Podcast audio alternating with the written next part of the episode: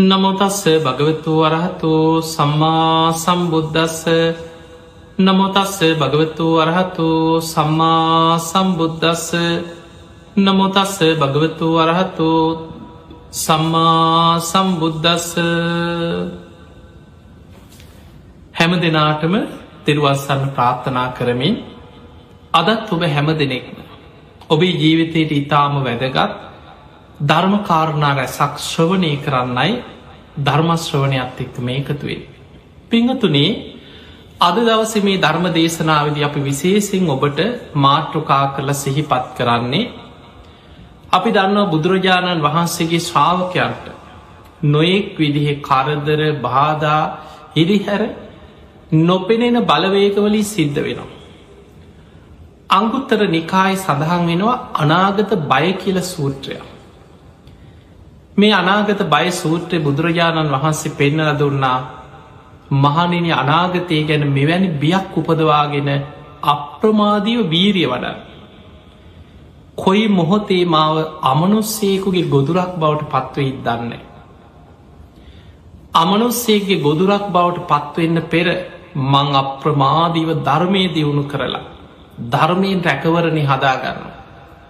මං මේ ධර්මය අවබෝධ කරගන්න. එවැනි අදහසින් ධර්මාවබෝධයට වීරිය වඩන්න කියල බුදුරජාණන් වහන්සේ පෙන්න්නනවා. අපි කවුරුත් දන්නවා එදා විශාලා මහනුවර ඇතිවෙච්ච ප්‍රශ්නය. අපේ බුදුරජාණන් වහන්සේ වැඩම කරලා රතන සූට්‍ර දේශනා කරලා විශාලා මහනුවර තුන්බිය දුරුණා කියල අපි අහලතිය. බලන්න එතනත් රෝගබිය දුරුභික්ෂබිය අමනුස්සබිය. එහෙමනම් මේ අමනුස්ස කරදර අමනුස්ස බිය අමනුස්ස විපත් අපේ බුදුරජාණන් වහන්සේ කාලෙත් ඊට පෙරයි නම්ම මේ ලෝකයේ සිද්ධ වෙන දෙයක්. එවැනි අමනුස්්‍යයන්ගේ විපත් කරදර මනුස්්‍යයන්ට ඇතිවෙන අවස්ථාතිය. පිංහතුනි අපේ බුදුරජාණන් වහන්සේදා විශාලා මහනුවරට වැඩම කරලා ඒ විශාලා මහනුවර ප්‍රශ්න ගැන සඳහන් වෙනවා අපේ බුදුරජාණන් වහන්සේ පහළ වෙන්න බොහෝ කාලයක ඉඳං ඇතිවෙච්ච විපතා. බුදුරජාණන් වහන්සේ බුද්ධත්වයට පත්වෙලා මුල්ම කාලි. බිම්බිසා රජතුමා පූජා කරපු වේල්ුවනාරාමේ පළවෙනි මාරාම පූජාව. එදා වේල්ුවනාරාමි බුද්ධ ප්‍රමුඛ මහා සංඝයා සමඟ බුදුවෙච් මුල්ම කාලි බුදුරජාණන් වහන්සේ වැඩහිටි. ඒ වෙනකොට විශාලා මහනුවර මේ තුම්බිය නිසා විශාල විපතකට පත්වෙලා. දවසකට සිය ගණන් සීය දෙසීය තුන්සීය සමට දහස් ගණන් දවසට පියන්. විශාල වසංගතයක් පැතිරිලා. තැම් බලන්න අද මේ වෙනකොට මේ ලෝකෙ පුරා. මේ පැතිරීගෙන යන මේ වසංගතයක්ත් එක්ක සමහා රටවල අපේ අසල්වැස් ඉන්දියාව දිහ බල දවසකට කී දෙනෙක් නං අද මේ යනවාද කියලා. ඒ වගේ ඒ කාලි වසංගත රෝගේ පැතිරිලා විශාලා මහනුවර සිය දහස් ගණන් දවසට මේ යන. එහෙම මැරෙන මැරෙන පිරිස වැඩි වෙනකොට නගරේ ඒ කාලවලොය ආදාහනය කරනේවා භූමදාන කරනේවට වඩා තිබුණේ මැරුණට පස්සේ සුදුරෙදි කඩකොත්තල මහා වනාන්තරයකට ගිහිල්ල ගමෙන් ටිකක් ඇත කැලේකට ගිහිල්ල සොහොනකට දාලයි ධර්මය හඳුන්නන්නේ අමු සොහෝනකට දාලාව කියලා. ඔබහල ඇති ඔයි ස්වෝපාකක් සිදුවී මෙහෙම. එතකොට ගිහිල්ල මහ සොහෝනකට කැලේකට තමයි මිනිිය දාලයි දැන් නගර අර මැරෙන මැරෙන පිරිස වැඩි වෙනකොට නගර දවසට සිය දහස් ගනම් මැරෙනකොට ඊළඟට මේ වසංගතය. ඒ මළමිනියක් ළඟටවත් මිනිස්සු ලංවෙන්න බයයි. මේ වසංගතය පැතිරේ කියලා. ඔබ දකින්න ඇති පසුගේ දිනවල මේ වසංගත රෝගයෙන් මිය යන අයගේ ආදහන කටයුතු සිදු කරපු ආකාර ලෝකෙ මේ වගේ සිද්ධවේ ගෙවල් වලට ගෙනහල්ලා ආගමික වතාවත් කරලා දින ගණන් තියාගෙන ඉඳලා පහන්සකූල දීලා එහෙම කරන්න අවස්ථාව දෙනවන් නෙමේ කොච්චර උගතෙක් කොච්චර බලවතෙක් කොයි තරන් ඉහළ පුද්ගලයෙක් වුණත් එක දවසගේ කටයුතු සිදුකන සමට ඥාතීට බලන්නවත් නැමිනිවා පුච්චල මොන ආගමිකයෙක් වුණා පුච්චල ඉවර කරලා ඉක්මනින්ම ඒ මුත ශරීරය කටයුතු අවසන් කරන. එකට හේතු ඒ ශරීරය මුල් කරගෙන මේ රෝගය පැතිරෙන්න්න පුළුවන්. එදා විශාලා මහනුවර නගරෙත් මේ වසංගතයෙන් මිනිස්සු තැන් තැන්ගොල වැටිලා මිය යනකොට මලකුණක් ළඟටවත් මිනිස්සු ලංවෙන්න. ඒ තරම් බය මේ රෝගෙ පැතිරේ කියලා. වේගෙන් ලෙඩේ පැතිරීගෙන යනකොට මුළු නගරේම හම අර මිනී කුණු වෙලා දුරුගන්දේ මුළු නගරේම මලමිනී කුණු ගඳ පැතිරෙන්ට පටන් ගත්තා. යොදුම් ගනන් ඈතයි නමනුස්්‍යයක් නගරයට ආව කිය. අර මලමිනී වල ඕජා උරාබන අමනුස්්‍යයෝ. ඒ ගන්දේ ආග්‍රහණය කරන අමනුස්්‍ය අමනුස්්‍යය කියන්නේ ඒක තමයි ඔවුන්ගේ ආහා දැම්බලන් පනුව නැද්ද කියලමය ඇගේ මිනිියක් කුණු වෙනකොට ඇගේම කොච්චර පනුවෝ මේ ශරීරෙම හටගෙන මේ ශරීරෙම කාදමනවද ඇඟ ඇතුළේ. ඒ වගේ මේ මළමිනීවල දුර්ගද්ධය ආග්‍රහණය කරලා කුසපුරුවගන්න යොදුම් ගණන් ඇතයි නමනුස්්‍යය නගරයට ඇදුන කිය. ටික දවසක් යනකොට මුළු නගරේම මහා දරුණු අමනුස්්‍යයන්ගේ ගොදුරක් බවට පත් වුණ. එක පැත්තකින් වසංගතය තව පැත්තකින් අමනුස්්‍යයන්ගේ බයි ඊළඟට දුර්භීක්ෂය වහින්නේ නෑ නියගයක් මේ කරුණ තුන නිසා මුළු විශාලා මහනුවර නගරේම අන්තාසරණ භාවයට පත්වන. ඔය වෙලාවෙ තමයි මේකට කොහොමද ගැලවෙන්න කියලා සාකච්ඡා කරනකොට ඒ වෙනකොට හිටපු ලිච්චවී රාජ කුමාරුවරු එකතු වෙලා සාකච්ඡා කරද්දි. බුදු හාමුදුරු ගැන ලොකු කීර්තිරාවයක් දැනගෙන හිටිය නෑ මොකද උන්වහන්සේ බුද්ධත්වයට පත්වෙච්ච මුල්ම කාලි. හැබැයි එදා ඒ සාකච්ඡාව කරන තැන හිටිය රජගහනුවර ඉදං වේල්ුවනාරාමෙන් බණහල යන උපාසකේ ඔහු සම්බන්ධ වෙලා හිටිය.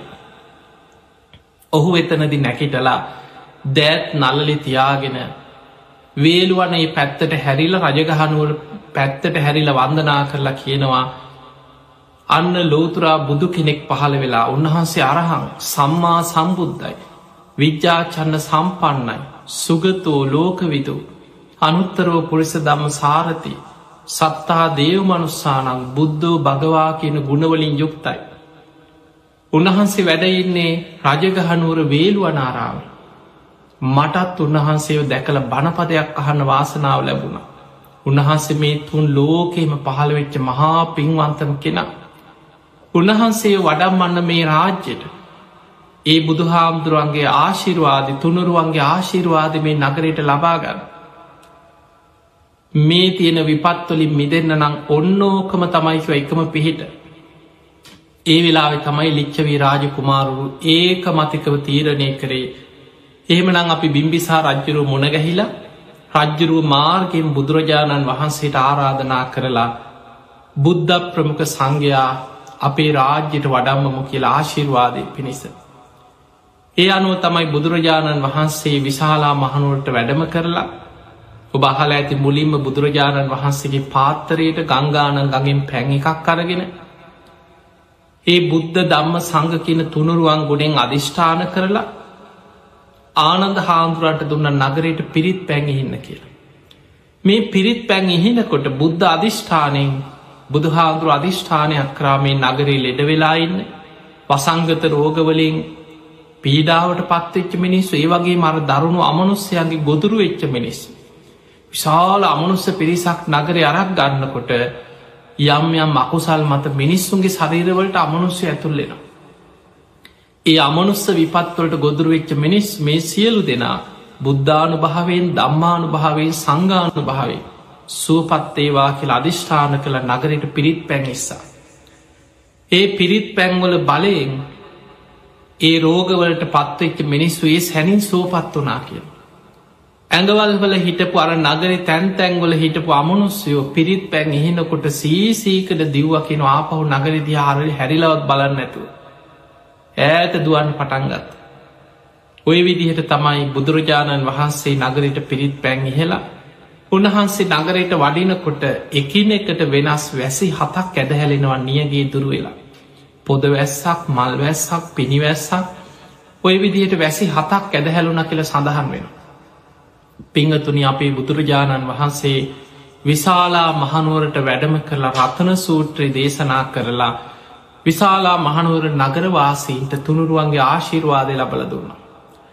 ති මේ අතර අදමං ඔබට මේ දේශනා විශේෂයෙන් පෙන්නල දෙන්නේ මේ අමනුස්ස විපත්.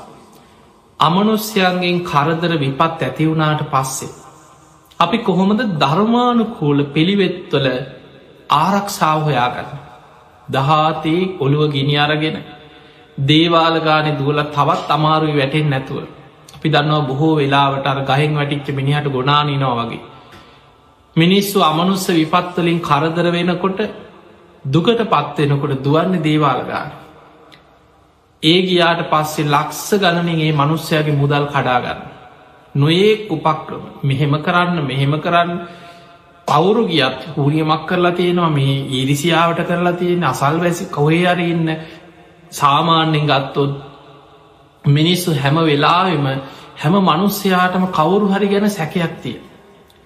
කවුරු හරි ගැන තරහක් තියෙන. සමට තමන්ගේ සහෝදරය වෙන්න පුළුවන් අසල් වැසියක විශේෂයෙන් අසල් වැසි මිනිස්සුන්ට බොහෝම එකට සහෝදරත්වෙන් ජීව මෝනට හිනා වෙනවා අයේ අක්කේ කියලා. හැබැයි යටහිතෙන් ඉරිසියාව වෛරය කුහකකම මේ සියල්ලත් එක්ක මිනිස්සු ජීවත් එනකොට තමන්ගේ අසල් වැසියෝ ඥාතීන් ගැන හැම වෙලාවෙම මුං අපිට ඉරිසියයි මුං අපිට වෛර කරනොන් ඔය වගේවා හිත හිතා ඉන්නේ. එතකොට කොහෙන් ගියත් අන්න හෝනියමක් කරලා තියෙනවා මේ ළඟම කට්ටියක් කියලා කියන්න විතරයි තියෙන්නේ තොප්පිය දාගන්න. ආයෙනම් මුන් තමයි කියලා අනි අර ළඟ ඉන්න මනුස්සෙක් එක්කො නෑදෑයෙක් ඥාතිය කහුවෙන. ලක්ස ගනන් වියදං කර කරම් අන්තිමට මහපාරට වැටන සමහරුගේ මුළු ජීවිතේම දේවාල ගානේ. එක්ක අනුට කොඩි විනහෝනියන් කර කර එක්කො ඒවා කප කපා කට්ටන්ඩියෝ පස්සේ දේවාල පස්සෙමයි මුළු ජීවිතේ. පිංහතුනී ධර්මය තුළ බුදුරජාණන් වහන්සේ මේ අමනුස්ස කරදර විපත් ඇතිවුණාට පස්සේ ඒවැන් බේරෙන්නේ කොහොමද කියලා ධර්මානුකුල පිළිවෙත් තියෙනවා. මේ ධර්මානුකුල පිළිවෙත් අපි අනුගමනය කරනවන දැම් බලන්න රතර සූත්‍රය. මහා බලවත් දේශනාව. කෝටි ලක්ෂයක් සක්වල ආඥාපීටි දේශනාව. ඔබ දන්න අපේ බුදුරජාණන් වහන්සේගේ බුද්ධ දේශනා දහට දාහකට ආසන්න දේශනා ප්‍රමාණයක් සූට්‍ර පිටකේ තුර සඳහන් වෙන. ඒ දේශනා අතරින් බුදුරජාණන් වහන්සේගේ ත්‍රිපිටකේම සඳහන් සූත්‍ර විනේ අභිධර්ම මේ ත්‍රිපිටකේම සඳහන් අසූහාර දහසක ධර්මස්කන්දය ගත්තා. මේ දේශනා අතරින් බුදුරජාණන් වහන්සේගේ දේශනා කීපයක් තියෙනවා. කෝටි ලක්ෂයක් සක්වල ආඥා පිහිටි බලවත් දේශනා. මේ බුද්ධ ශාසනයේ පවතින තාක් කල් ඒ දේශනාවල ආඥාව මේ ලෝකධාතුවය විතරක් නෙමෙයි කෝටි ලක්ෂයක් සක්වල අපි ධර්මය කෙනව ත්‍රහි සහස්සී ලෝක ධාතු. මේ ත්‍රහි සහස්සේ ලෝක දහතුවීම ආඥා පිහිටපු දේශන. ඒ අතර රතන සූත්‍ර ඉතාම බලවත් තුනුරුවන්ගේ ගුණ ඇතුළ සත්‍යක්‍රියා දේශනාවක්තියෙන්. බුදුගුණ සත්‍යක්‍රියාව. ධර්මී ගුණ සත්‍යක්‍රියාව. සඟගුණ ගැන කරන සත්‍යක්‍රියා දේශනාව. කෝටි ලක්ෂයක් සක්වල ආච්ඥා පිහිටි බලවත්ම දේශනාව මේ රතන සූට දේශනාව බොහෝ දෙනෙකුට කටපාඩන් ඇති පිරිවාන පොත් වහන්සේ තුළ ගත්තත් බොහෝ බෝධි පූජා පොත්තල ගත්තත් ඕන තැනක ඔබට හොයාගන්න පහසුයි දහම් පොත් පත්වල. එතකොට මේ රතන සූට දේශනාවේ බුදුහාමුදුරුව මුල් ගාථාටික දේශනා කරත් අවසාන ගාථා තුන සක්‍ර දෙවියන් තමයි දේශනා කරන්න. බුදුරජාණන් වහන්සේගේ මේ ආඥාව බුද්ධ ආඥාව ධර්මය ආඥාව සංඝ ආඥාව මේ සත්‍යක්‍රියාව. අපි ඒ විදිහටම පිළිගන්නවා. මේ අහසි රැස්වෙලා ඉන්න දෙව් බමුන් මේ කෝටි ලක්ෂයක් සක්වල දෙවියම් බ්‍රහ්මයන් බුදුරජාණන් වහන්සේට නමස්කාර කරනවා ධර්මයට නමස්කාර කරනවා ශ්‍රාවක සංඝයාට නමස්කාර කරනවා අපි ඔබහන්සගේ මේ දේශනාව ආඥාව. ඒ විදිහටම පිළිගන්නවා කියල සක්‍ර දෙවියන් අහසින් පහලට බැහැලා දිවිය සුරූපයම බුදුහාන්දුරන්ට වන්දනා කරගෙන අවසාන ගාථාතුන කියලා බුදුහාන්දුරන්ට වන්දනා කරා. ඒ නිසා අපිට පේනවා මේ රතන සූත්‍ර බොහොම බලවත් පිංහතුනි ඔබට ඔබේ නිවස වෙන්න පුළුවන් ඔබේ ඉඩක්මක වෙන්න පුළුවන් එක්කො යම් කිසි ඔබට සැකයක් තියෙන්න්න පුළුවන් මට අමනුස්සෙක් පස්සෙන් එනවද අමනුස්සෙක් කරදර කරනවාද? එහෙම තිබුණ හෝ නැතා හෝ අපි පුරුදු එන්නට ඕනෑ. ගෙවල්වල බුදුන් ඇඳල තුන් සූට්‍ර බලන්න ඉස්සර පැරැන්නු කටපාඩන් අපේ පරණ ආච්චිල සීලාට රතන සූත්‍රය කරණය මිත්ත සූත්‍රයේ මහා මංගල සූත්‍ර කියන මේ දේශනා තුන. මේ දේශනා තුන ඉතාම වැදගත්. දැන් කරණීමිත සූත්‍රගන් මේ දේශනාවත් නිදහන කතාව බහල ඇත. එදා බුදුරජාණන් වහන්සේ වැඩ සිටිද්දී පන්සීයක් භික්‍ෂූන් වහන්සේලා වස් කාලෙ වස් සමාදන් වෙන්න බලාගෙන බුදුරජාණන් වහන්සේ ළඟට ඇවිල වන්දනා කරලා ඉල්ලීමක් කරා ස්වාමීණී භාක්‍යතුන් වහන්ස. මේ වස්කාලය තුළ එළබෙන අපි කැමති හිමාල මහ වනාන්තරය ආශ්‍රිත කැලේකට ගිහිල්ල භාවනා වඩන්න සාමිනි භාක්‍යතුන් වහස අපට සුදුසු භාවනාවක් කමටහනක් දෙන්නකි. බුදුරජාණන් වහන්සකින් උපදෙස් සරගෙන පන්සීයක් භික්‍ෂූන් වහන්සේලා හිමාල මහ වනාන්තරය ආශ්‍රිත කැලෑ ප්‍රදේශයකට ගියා භාවනා කර. උන්වහන්සේලා බොහොම සිල්වත් මාර්ග පල්ලබල හිටිය නෑ වෙනකොට. හැබැයි මේ මහ වනාන්තරයේ ඔක්ෂ දේවතාවරු යක්ෂයෝ අමනුස්්‍යය නොයෙක් දරුණු අර අමනුස්ස වර්ගත් මේ කැලේ ගස්වල තැන් තැන්වල ගුහාවල්වල විමාන හදාගෙන ඉන්න අමනුස්්‍යයෝ. මේ උතුම් සාමීන් වහන්සේලා මේ උතුම් සිල්වස් පාමීන් වහන්සේලා උන්වහන්සේලා මහ කැලේට ගිහිල්ලා මේ ගස්්‍යයට තැන් තැන්වල ගල්ලුඩ ගස්යට සුදුසු තැන් තෝරගෙන උන්වහන්සේලා භාවනා කරන. උන්වහන්සේලාගේ සීල ගුණයයි භාවනාවයි ගුණධර්ම නිසා අර ගස්වල ඉහල විමාන මවාගෙන ඉන්න මේ උක්ෂ දේව දෙවිවරුනත් ඔක්කොම සම්මාධිට්ටික නෙමේ. එතකොට මේ දේවතාවරුන්ට අර කැලේ ඉන්න යක්ෂයන්ට අමනුස්්‍යයන්ට ඉහල ඉන්න බෑ. ඒ අයි කල්පනා කර අපි මේ මහ වනාන්තරයේ කරදරයක් නැතුව නිදහස හිටිය දැම් මේ භික්‍ෂූන් වහන්සේලා පිරිසක් ඇවිල්ලා මේ කැලේ ඇතුළේ භාවනා කරන්න ගත්තට පස්සේ අපිටක් කරදර. කොහොම හරි උන්වහන්සේලා මෙතනින් එලවන්න ඕන කියලා අර අමනුස්්‍යයෝ යක්ෂයෝ එකතු වෙලා මහා භයානක හඬ ඇති කරන්න පටන්ගත්ත. නොෙක් භයානක සබ්ද ඇති කරන. නොෙක් ඡායාවල් වගේ අර අමනුස්්‍ය පෙනී හිටිය. දැන් අර භික්‍ෂූන් වහන්සේලා මේ මාර්ග පල් ලබල නෑනි භාවනා කරන්නාවට උන්වහන්සේලා බය වුණා තැතිගත්තා උන්වහන්සේලා කල්පනා කර අම්මෝ මේ මහ වනාන්තරය අපිට මේ අමනුස්්‍යයන්ගේ විපත් ඇතිවෙන්න පුළුවන්. අපි ආපහු යම් බුදුරජාණන් වහන්සේ ළඟට කියලා ආපහු කිය. ගිහිල බුදුරජාණන් වහන්සේ මුණගැහිලා වන්දනා කලකිවනේ ස්වාමිණි භාකතුන් වහන්ස අපි මේ වස්කාලේ විවේකෙන් මහ වනාන්තරයේ භාවනා කරමින් වැඩ සිටින්න හිතාගෙනයි කැලේට ගිය තතාගතයන් වහන්සේගේ උපදෙ සරග. නමුත් අපිට නොසිතපු මේ වගේ ප්‍රශ්නිකට මුණ දෙන්න සිද්ධ වුණා. හමනුස්ස කරතරයක් මහා භයානක විදිහට අපිෝ බය කරන. බුදුරජාණන් වහන්සේ බුදු ඇසින් දැක්ක කාරණය. බුදුරජාණන් වහන්සේ මේ පන්සීයක් භික්‍ෂූන් වහන්සේලාට කරණීයමිත්ත සූත්‍රය දේශනා කර. දේශනා කළ බුදුරජාණන් වහන්සේ වදාළ මහනෙන මේ දේශනා හොඳට කටපාඩක් කරගන්න. මේ දේශනාව මතක තියාගන්න. මේ දේශනාවම භාවනාවට යොදාගන්න. නුබල ආයමත් එතනටම යන්න.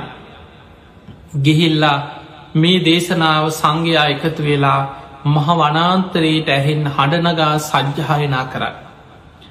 ඒ වගේම මේ දේශනාවම සඳහන් අර්ථ විමසමින් භාවනා කරන්න.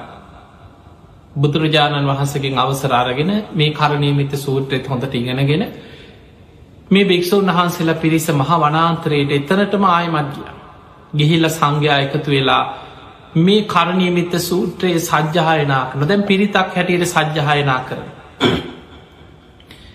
ඒ සජ්්‍යහයනා කරනකොට වනාන්තරයේ පුරාම දෝකාර දෙමින් ඇහෙන්නේ මෛත්‍රී මතකතියාගන කරණීමිත සූත්‍රය තුළ තියෙන මෛත්‍රිය. මෛත්‍රී භාවනාව මෛත්‍රිය පතුරෝන හැටිය. දස දිසාවට මෛත්‍රී වඩන හැටි උද්දං අදෝච තිරියංච අසම්භාදං අවේරං අසපත්තා. උඩ යට හාත් පස කියන දිසාවට මෛත්‍රී වඩන්න කියනවා.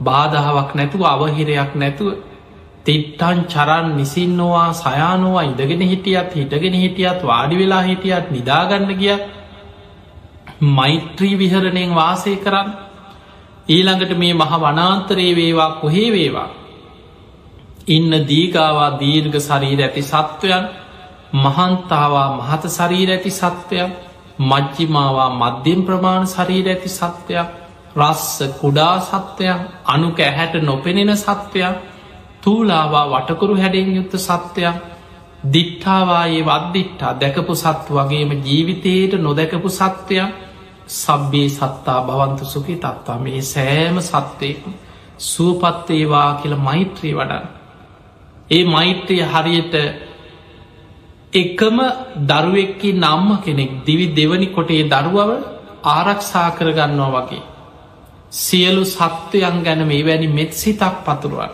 ඕකතමයි කරණීමිත සූත්‍රයේ පුරාම තියෙන මෛත්‍රී මේ භික්‍ෂූන් වහන්සේලා මහ වනාන්තරයට ගිහිලක් මෛත්‍රිය පතුරුවුණු කරණීමිත සූත්‍රය හඬනගා සජ්්‍යහයනා කරන. ඒ භාවනාවම මෛත්‍රියම භාවනාවක් හැටියට වඩන. මේ කරණීමිත සූත්‍රය මෛත්‍රිය පතුරනකොට අර අමනුස්්‍යයන්ගේ හිත්වල මේ කැලේ හිටිය උන්වහන්සේලා වෙලෝගන්න ඕන කියලා භයානක සබ්ද ඇතිකරපු නොෙක් බිය ඇති ගැනින් ඇතිකරපු අමනුස්්‍යයන් පවා ඒ අයගේ හිත්තුලත් මෛත්‍රිය පැතිරෙන පටන්ගත්ත. එකිනෙකා එකිනෙකා මෙත්තොඩන්න පටන්ගත්ත. ඒ මෛත්‍රී විහරණී මුළු අනාතරයේ පුරාම නොපෙනෙන අමනුස්්‍යයන් උක්ෂ දේවතාවරු යක්ෂයම් මේ හැමෝටම මෙත් සිත පැතිරිලාගිය. ඒ කවරුවත් අර භික්‍ෂූන් වහන්සේලට ආහිරි හැර කරේ නෑ බාධා කරේ නෑ. ඒ අය නොපෙනෙන විදිහට හරි පුළුවන් විදිහට උපකාර කරන්න පටන්ගත්. මේ පන්සීයක් භික්‍ෂූන් වහන්සේලා භාවනා කරලා වස්කාලය අවසන් වෙනකොට උතුම් මිනිස්කුණ ධර්ම දියුණු කරගෙන ධර්මාවබෝධය පවා ලැබුව. එදකොට අපිට පේනවා මේ කරණින් මෙත් පැතිර මෛත්‍රය කියන මහා පුදුම භාවනාව. කරණීමිත්ත සූත්‍රය පුරාම තියෙන මෛත්‍ය රතන සූට්‍ර පුරා තියෙන තුනුරුවන්ගේ සත්‍යක්‍රියා. ඊළඟට මහාමංගල සූට්‍රගන් මහාමංගල් මේ ලෝකයේ මංගලයයි සම්මත. යහපත් කියල සම්මත යමක් ඇත්ද ඒ සියල්ල කැටිකරපු දේශනාව තමයි මහා මංගල සූට්‍ර. දැන් ඔබ දන්නවා මිනිස්සු සෙත් කවි කියවෝනවා සෙද්ගාතා කියවෝනවා. ඒ සියල්ලට වඩා තියෙන බලවත්ම සෙත් කවිය තමයි සෙද්ගාතා බලවත්ම යහපත. ලෝකයේ තියෙන සියලුම යහපත් දේවල් කැටිකරපු දේශනාව තමයි මහා මංගල සූත්‍රය. මෙන්න මේ තුනුරු මේ දේශනා ටික කරණය මෙත සූත්‍රය මහා මංගල සූට්‍ර රතන සූත්‍රයේ එදිනෙද අපේ මිනිස්සු හැමදාම බුදුන් ඇඳල තුන් සූට්‍ර කිව්ව. නිදාගන්න ගිහිල්ලා ගෙදර කට්ටියත් එක එකතු වෙලා හවස නිදාගන්න පෙර බුදුන් අදිනවා තුන් සූට්‍ර කිය. ඒ නිසා මිනිස්සුන්ට අමනුස්ස කරදර විපත්වලින් පවා විශාල ආරක්ෂාවක් රැකවරණය ඒ කාල මිනිස්සුන්ට ලැබුණ. ඒ නිසා පිංහතුනි ප්‍රධාන වසේ ඔබ ජීවිතය මේ අමනුස්ස විපත් කරදරවලින් බේරෙන්න්නන. තුන් සූත්‍රය නිතර බුදුන් ඇඳලා පිරිත් කියන්න පටන්ගන්න.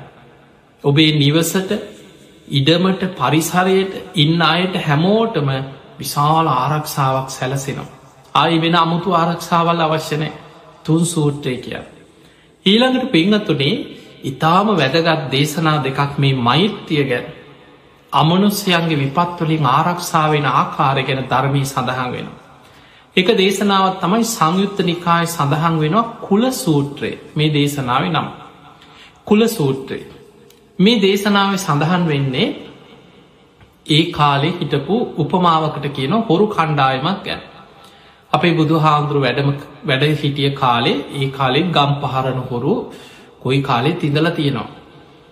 ඒ හොරු සමහරු කණ්ඩායම් පිටින් එකතු වෙන හොරු හොරු එකතු වෙනවාන මේ හොර කණ්ඩායන් එකතු වෙලා එතන නායකෙකුත් හදාගන්න හොර නායක දැන් එයා තමයි කණ්ඩායමට උපදෙස්තේ එදකොට ඔහු ඒ පිරිස එකතු වෙලා ගම් පහරණ ගම් පහරණවා කැලෙන් ගංවලට පනින පැනලා එක ගෙයක් දෙකක් නෙමේ ගමේම තියෙන ගෙවල් පණහක් තියෙනවනම් පුළුවන් ගෙවල් ඔක්කොටෝම් පැනලා බඩුහොරකං කරගෙන පනිනවා එතකොට මේ ගම් පහරණ හොරු ඒ කාලෙ තිබ්බ තාක්ෂණික ක්‍රම.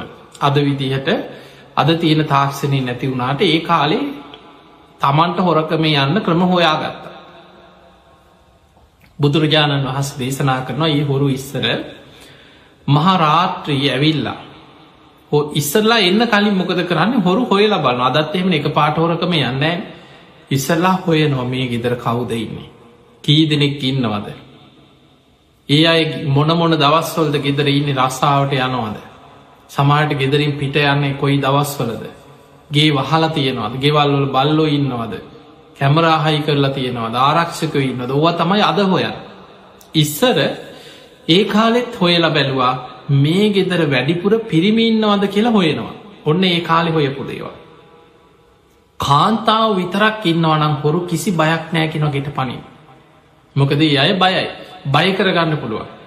සමහරලාට බයකරපු ගමන් තියෙන බඩු ටික වැඳලම අරන් දෙනවා. අනේ අපි මරන්න එපා. නිය අපිට අනතුරක් කරන්න එපා. දෙන්නම් කියලා ඉල්ලන්න කලින් දෙනවා. පිරිමි ඉන්න ගෙදරකට පැන්නොත් අනතුරක් වෙන් පුළන් ගුටිකාගෙන යන්න වෙන්න පුළුවන් අහු වෙන්නක් පුළුවන් ඒ නිසා ඉස්සරලාම හොරු හොයනවා හොරකම යන්න පෙර මේ ගෙවල්වල වැඩිපුර ඉන්න පිරිමිද ගෑනුද කියලා හොයනවා බුදුරජාණන් වහන්සේ වදාළ මහනෙන ඔය හොරු කාන්තාව විතරක් ඉන්න ගෙවල් බය නැතුව ගෙවල් බිඳින්න තෝරගන්න. මේ හොරු ඉස්සරලාම කරන්නේ ඉස්සල්ලාගේ තෝරගෙන ජනේලයක් රෑගිහිල්ල කරුවලේ ජනේලයක් ගලෝන ජනේලයක් බිඳිනවා. එතකොට අර ගෙදර සමට සද්ධය හෙනවා ඇහැරෙන. ඒ නිසා ජනේලෙ ගලෝල ඉක්මනට ගෙට බහින්නෑ. ලීයක දවටලා මුට්ටියක් හිමීට ගෙට ඇතුල් කරනවා කියෙන ජනේලෙ ගලවල හිමීට කරන්න මුට්ටියක් කරවලේ ගෙට ඇතුල් කර.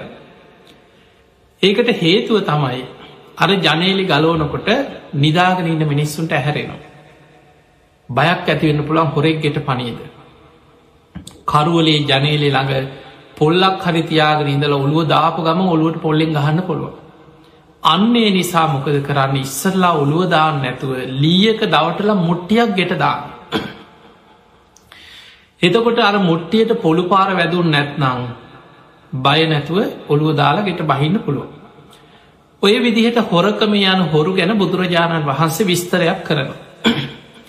ඒ විස්තරේ කරලා බුදුරජාණන් වහන්සේ වදාළ මහනෙන මේ විදිහට හොරකම යන හොරු කාන්තාව විතරක් ඉන්න ගෙවල් කිසි බයක් නැතුව හොරකම යන්න ගෙවල් විදින්න තෝරගන්න. හැබැයි පිරිමි වැඩිපුර ඉන්න ගෙවල් මගහැරල යනවා ඒ ගෙවල්ලෝට ලංවෙන්න. හිමිහිට ඒගේ අතහරීම. බුදුරජාණන් වහන්සේ වදාළ මහනෙන අමනුස්යොත් ඔය වගේම තමයි කිය. යම් කිසි කෙනෙක් සිල්වත්නම් එයා මෛත්‍රී භාවනාව වඩනවන. මෛත්‍රී විහරණයෙන් වාසය කරනවන. එයා හරියට පිරිමි වැඩිපුර ඉන්න ගයක් වගේ ආරක්ෂිතයි කිය. මහනෙන අර හොරු පිරිමි ඉන්න ගෙවල් බිඳින්නේ නෑ වගේ බයයි ඒ ගෙවල් මගහරිනවා. ඒ වගේ තමයිකිව අමනුස්යෝ. සිල්වත් මෛත්‍රිය වඩන මෛත්‍රී විහරණයෙන් වාසය කරන අය මගහැරල යනවා. අමනුස්සේ ඒ අයට කරදර කරන්නේ නෑකි. අමනුස්යෝ ඒ අයගේ ඇඟවල්ලෝට රිංගන්නේෙන්නේ. ඒ අයට අනතුරු කරන්න ලංවෙන්නේ. මෛත්‍රී වඩන කෙන ආරක්ෂිතයි. අමනුස්යයේ අය මගහැරලා යනවා කියල බුදු හාන්දුර පෙන්න්න.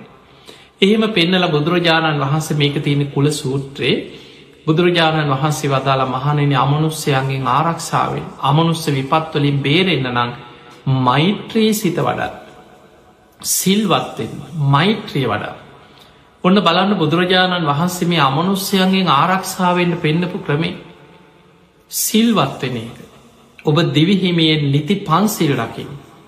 පෝයිට උපෝ සතයක් රකිින්. නිති පන්සිල් රකිනවා පෝය දවසට උපෝ සතේ රකින. අන්න ගිහි ශ්‍රාවකයකුට තියෙන ප්‍රධානම ආරක්ෂාව. ඒක තමයි ජීවිතයේ තියෙන ප්‍රධානම රැකවරණ ආරක්ෂාව. ඔබ වෙන බාහිර ආරක්ෂාවල් මොනවා හයි කරගත්තා. අමයිට ඇගේ එල්ල ගන්න පුළුවන් පිටිං එල්ල ගන්න පුළුවන් බිත්තිවල එල්ලන්න පුළුවන් කැමරාහයි කරන්න පුළුවන් නොයෙක් තාක්ෂණික දේවල් මොනවා හයි කරගෙන හිටිය. අමනුස්්‍යයන්ගෙන් ඒවැන් ආරක්ෂාව එන්න බෑ. එතකොට සමහර වෙලාවට මිනිස්සු නොයෙක් දේවල් වත්තේ වල්ලනවා මුට්ටි එල්ලනවා නොයෙක් දේවල්.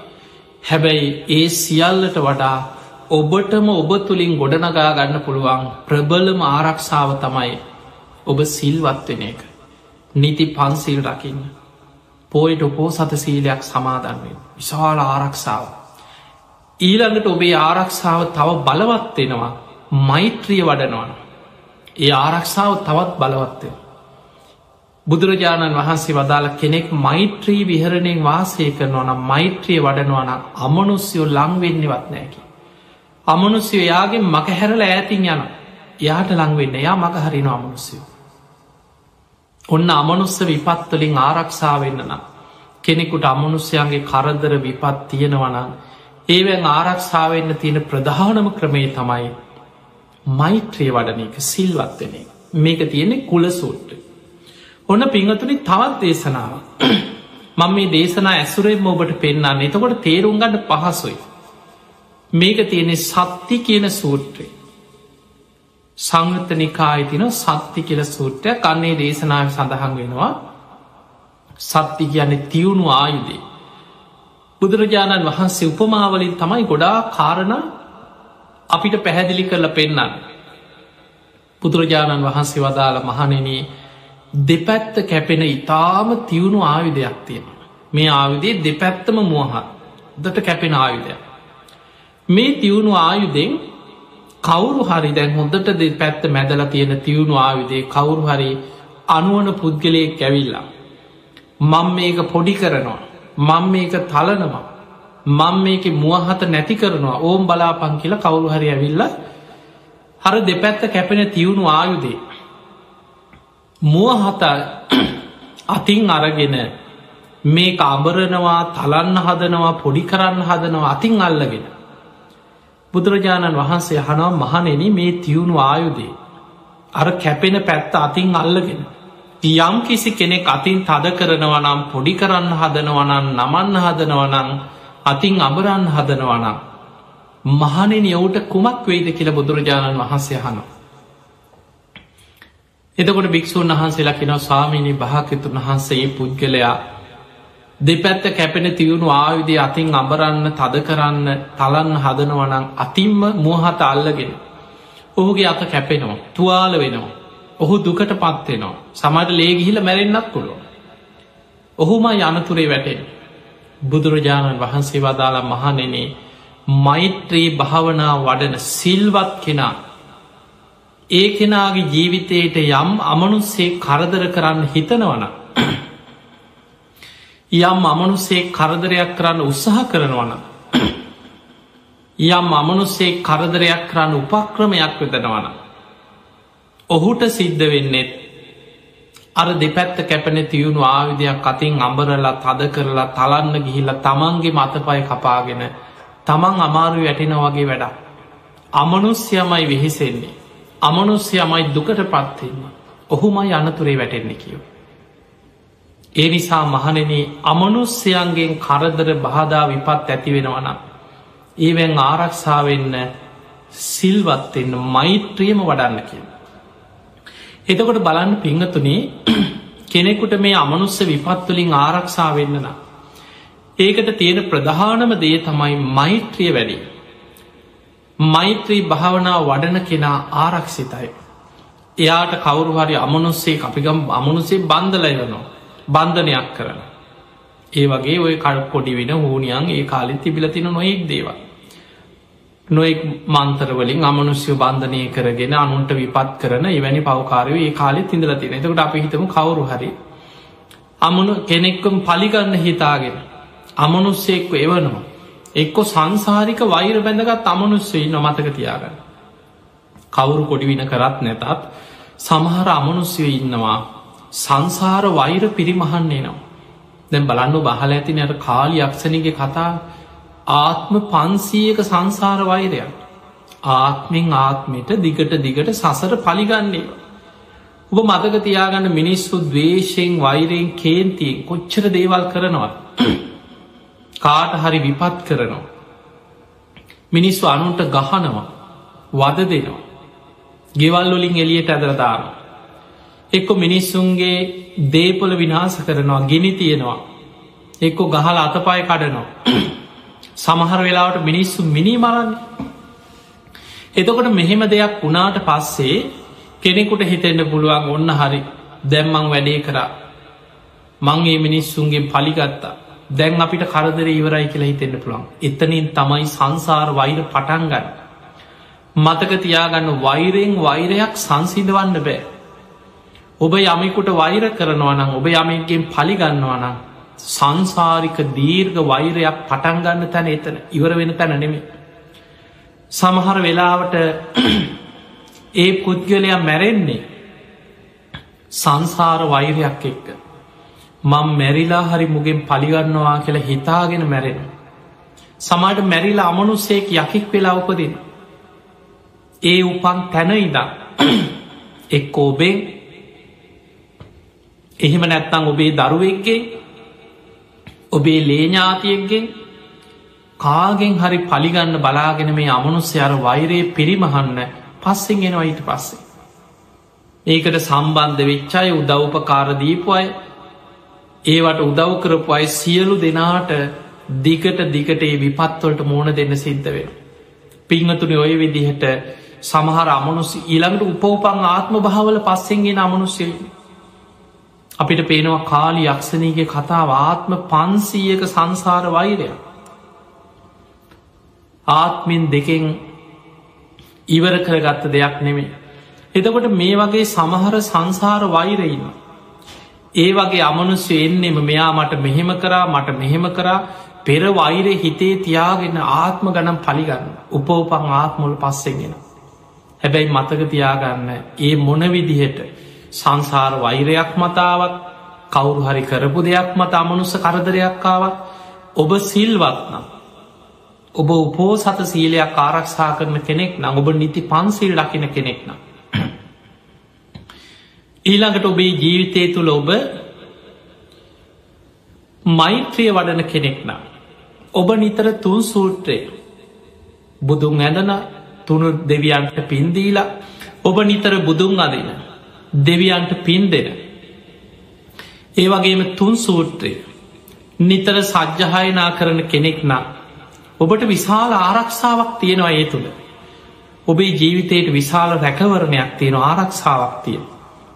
ඒ නිසා පෙංහතුනේ අර මොන්න විදිහ කරදර විපත් ආවත් අමනුස්සේකුට ලංවෙලා ඔබට ලොකු විපතක් කරන්න බෑ. සමයිට ඔහු එලිය කැරකි කැරකි අවුරුදු ගානක් ඔබට විපතක් කරන්න අවස්ථාවක් ලැබෙනතේ. ඉන්නව වෙන්න පුළුවන්. හැබැයි පින්වතුනි ඔබ ආරක්ෂිතයි. එවැනි අමනුස්ස විපත්වලින් ආරක්ෂාවෙන්න නම්. ඔබ නිතර මෛත්‍රිය පුරුදු කරන කෙනෙක් බවට පත්වේ. නිතර ගෙවල්වල බුදුන් අදල තුන් සූත්‍රය කියලා පිරිත් කියලා නිදාගන්න පුරුදුවෙන්. නිදාගන්න ගියත් මෛත්‍රී භාවනා වඩා. ඊළඟට ඔබ දන්න ආටානාටිය සූත්‍රය පිරිත් පොතෙත් තියෙනවා. අපි බුදුරජාණන් වහන්සේ මේ දේශනාවෙන් පෙන්නල දුන්නේ. බුදුරජාණන් වහන්සේගේ ශ්‍රාවකයන්ට භික්‍ෂු භික්‍ෂුණී උපාසක උපාසිකා කියන සිව්වනක් ශ්‍රාවකයන්ට යම් අමනුස්්‍යයන්ගෙන් කරදරයක් විපතක් ඇතිවුණොත් කොහොමද ආරක්ෂාවෙන්නේ කියන කාරණය. මේ දේශනාවේදී බුදුහාන්දුරු ගිජ්ජකුට පරොත්තේ වැඩඉන්නකොට වෛශ්‍රවණ දෙවියන් සතරවරන් දෙවියන් එක්ක ඒ අයි යටතේ තමයි යක්ෂ නාග කුම්බාණ්ඩ ගහන් දරුව කියන මේ අමනුස්ස පිරිස පාලනය වෙන. මේ අමනුස්්‍යයන් පිරිවරාගෙන මේ බුදුරජාණන් වහන්සේ මුණගැහෙන සතරවරන් දෙවියන් ඇවිල්ලා වෛශ්‍රවන දෙවියන් තමයි කියන්නේ ස්වාමීණි භාග්‍යතුන් වහස මේ ඉන්න දරුණු අමනුස්්‍ය අතර බුදු හාමුදුරුව ගැන පැහැදිච්චයි වගේම අපැහැදිච්ච යක්කු ඉන්න. මහානු භාව සම්පන්නයි මධ්‍යමානු භාව නීචයක්කු අතරත් තුනුරුවන්ට ගරු කරනය වගේම ගරු නොකරන ඇත්තින්න. දැ බනුසලෝකෙත් තින් හැමෝම තුනුරුවන්ට ගරු කරනවා නෙමේ කාට හරි කියක් හරිදීලා අර හාමුදුරුවන්ට හරි අර උපාසකයට හරි ගහලවරෙන් කිවොත් ගිහිල ගහලයිනයි නැද්ද ඉන්නවා ඒ වගේ මිනිස් ඕන තරඟන්නවා ඔය පන්සල් කඩන බුදු පිළිම විනාස කරන පවකාරය කොච්චර ඉන්නවද ඒ වගේ අමනුස්්‍ය අතර තුනුරුවන්ට ගරු කරන අය වගේම ගරු නොකරන අය තෝන තරඟන්න එවැනි අයගෙන් බුදුහාන්දුරන්ගේ ශ්‍රාවකයන්ට භික්‍ෂු භික්‍ෂුණී උපාසක උපාසිකාවට යම් අනතුරක් විපතක් වුණොත් ඒ අයගේ ආරක්ෂාව පිණිස ඒ අයගේ රැකවරණය පිණිස. ඒ අයගේ පහසු විහරණය පිණිස. ඒ අයට අමනුස්්‍යයන්ගේ විපතක් ඇති නොවීම පිණිස. ආඨානාටය නම් වූ දහම් පරියාය තතාගතයන් වහන්සේ ඉදිරියේ ක්‍රමේ කියන්නයි මේ ආව කියලා වයිස්්‍රවණ දෙවියන් තමයි ඔය ආටානාටිය විස්තරේ මුලින්ම බුදු හාමුදුරු ඉදිරියේ කියන්න. අපි බුදුරජාණන් වහන්සේ අහගෙන ඉඳලා අනුමත කරනවා. ඒක පිළිගන්න. පිළි අරගෙන පසුවදා භික්‍ෂූන් වහන්සේලා රැස් කරලා ඒ කතාව බුදුමුවින් ඒ විදිහටම දේශනා කරනවා. මහනනීය රාත්‍රී මේ විදිහට සතරවරන් දෙවියන් ඒ අය යටතේ ඉන්න යක්ෂනාග කුම්බාණ්ඩ ගහන් දරු කිනම අමනුස්්‍යයන් පිරිවරාගෙන බුදුරජාණන් වහන්සේ මුණ ගැහෙන්නාව මෙන්න මේ විදිහ කතාවක් කිව්වා. මෙන්න මේ ක්‍රමේ මතක තියාගන්න කටපාඩන් කරගන්න. යම් කැලේ හරි ආරන්නේ හරි හුද කලා තැනක හරි ඉන්නකොට යම් අමනුස්සේගෙන් කරදරයක් විපතක් ඇතිවුණොත් මේ ක්‍රමේ අනුගමනය කරන්න කියලා බුදුරජාණන් වහන්සේ මේ ආටානාටිය දේශනාව බුදුමුවින් සංඝයාට දේශනා කරන්නට ඉදුනා දෙවනි වතාව.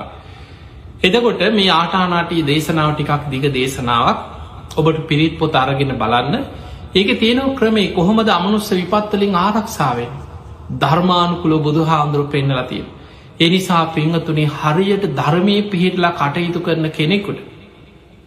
නිති පන්සිල් රැකගෙන පෝයිට උපෝසතයක් රැකගෙන අනුට හිරිහැරයක් නැතුව මෛත්‍රිය වඩාගෙන ගුණධර්ම රැකගෙන ජීවත්වෙන පනුස්සේකුට ආය අමුතු ආරක්ෂාවල් හොයාගෙන අමනුස්්‍යයන්ගෙන් බේරෙන්න දහතේ දුවන්න අවශ්‍යනෑ. ධර්මයම රැකවරණය තියෙනවා. බුද්ධ දේශනාවලම ආරක්ෂාව තියෙනවා. අමනුෂ්‍ය විපත්තලින් බේරෙන ක්‍රමේ ධර්මය සඳහන් වෙලා තියෙන.